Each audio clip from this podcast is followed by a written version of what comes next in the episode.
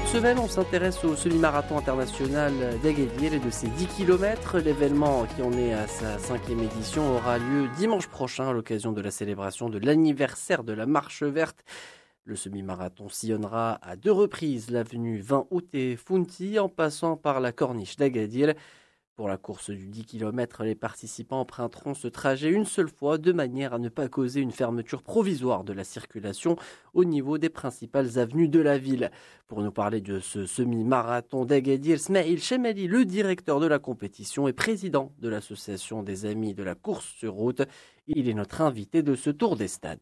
L'association marocaine des amis de course sur route en train d'organiser le cinquième semi-marathon international d'Agadir et 10 km. 10 km, c'est un 10 km pour les amateurs et euh, les athlètes locaux, mais pour le semi-marathon, c'est un euh, semi-marathon pour les athlètes internationaux, plus les Marocains, les meilleurs Marocains de course sur route. Le parcours, le départ à la place Louhda, euh, à 9h. Euh, bienvenue tous les Marocains pour cette course. Course organisée à l'occasion de la marche verte. Comme chaque année, on a, organisé euh, quatre éditions à 10, 10 km pour cette année, euh, on a ajouté le semi-marathon. Très bien, alors euh, il y aura plein de courses euh, qui seront au programme à, à le semi-marathon international avec 10 km. C'est, comme vous l'avez dit, en partenariat avec la Fédération royale marocaine d'athlétisme qui sera en partie sur place pour l'événement Oui, bien sûr, sous l'égide de la Fédération royale marocaine d'athlétisme, parce que ça, pour euh, des courses sur route, il faut faire un règlement, un cahier de charge pour faire le contrôle antidopage, l'assurance, les mesurages. Il faut un, un, mesureur international de grade A et plus que ça, pour tous les règlements de l'IAF et l'EMS.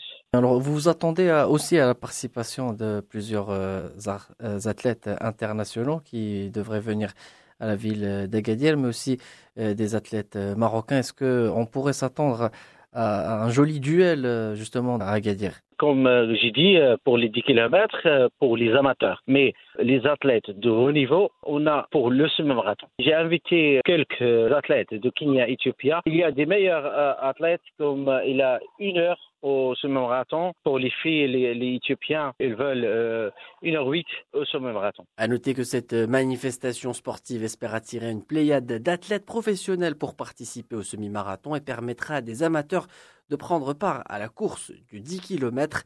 La Fédération royale marocaine d'athlétisme s'est donc employée et a mis à la disposition de l'association un observateur international pour calculer l'itinéraire à l'aide de nouvelles techniques. Par ailleurs, des prix seront octroyés aux huit premiers gagnants du semi-marathon ainsi que des distinctions qui seront remises aux trois premiers vainqueurs de la course du 10 km. Enfin, sachez que, mis à part ce semi-marathon et cette course du 10 km, l'association des amis de la course sur route organisera une course dédiée cette fois aux enfants en mai prochain, toujours à Aguet.